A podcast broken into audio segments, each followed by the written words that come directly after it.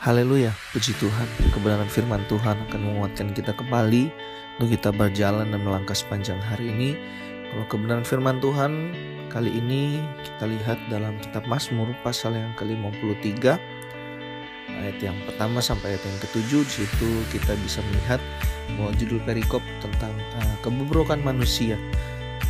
Seperti yang kita tahu, yang seperti kita lihat dalam kebenaran firman Tuhan atau Alkitab kita bahwa keadaan manusia di akhir zaman ini banyak sekali mengalami hal-hal yang jauh dari perbuatan baik. Kalau kita lihat seperti orang yang murtad, orang yang melakukan banyak kekerasan, perjinahan, dan lain sebagainya yang tidak berkenan di hadapan Tuhan atau yang tidak baik.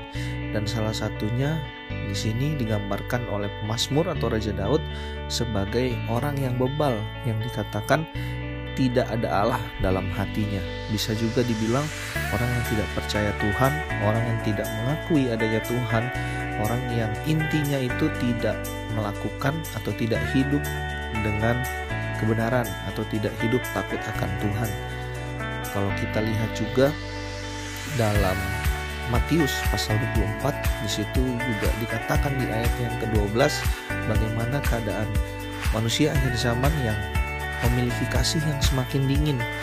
Di ayat yang 11 juga dikatakan nabi-nabi palsu atau pengajar-pengajar yang menyesatkan, mengajarkan hal-hal yang sesat. Kalau dibandingkan dengan Mazmur 53 juga dikatakan orang yang curang, orang yang bebal adalah orang yang tidak melakukan kebaikan. Kita melihat di sini kita sebagai anak-anak Tuhan yang sudah banyak mendengar firman Tuhan, yang sudah tahu kebenaran firman Tuhan, jangan sampai kita hidup seperti yang dikatakan oleh pemazmur, seperti orang bebal yang tidak mau dididik, yang tidak mau menerima pengajaran firman Tuhan, yang tidak hidup sesuai dengan firman Tuhan. Jangan sampai juga yang dikatakan dalam ayat ke-6 di mana hari kekejutan itu datang menimpa kita.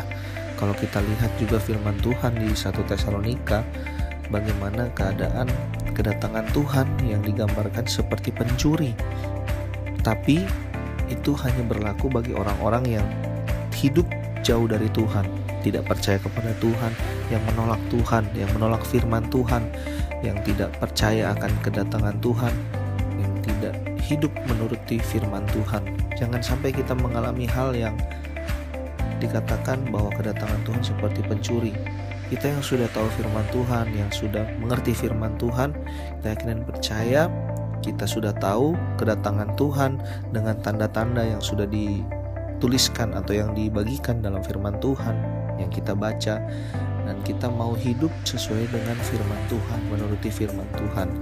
Seperti juga yang dikatakan dalam Wahyu pasal 3 ayat yang ke-12 bagaimana orang yang hidup menuruti firman Tuhan, orang yang tekun melakukan firman Tuhan akan menerima perlindungan dari Tuhan, akan menerima perlindungan dari Allah.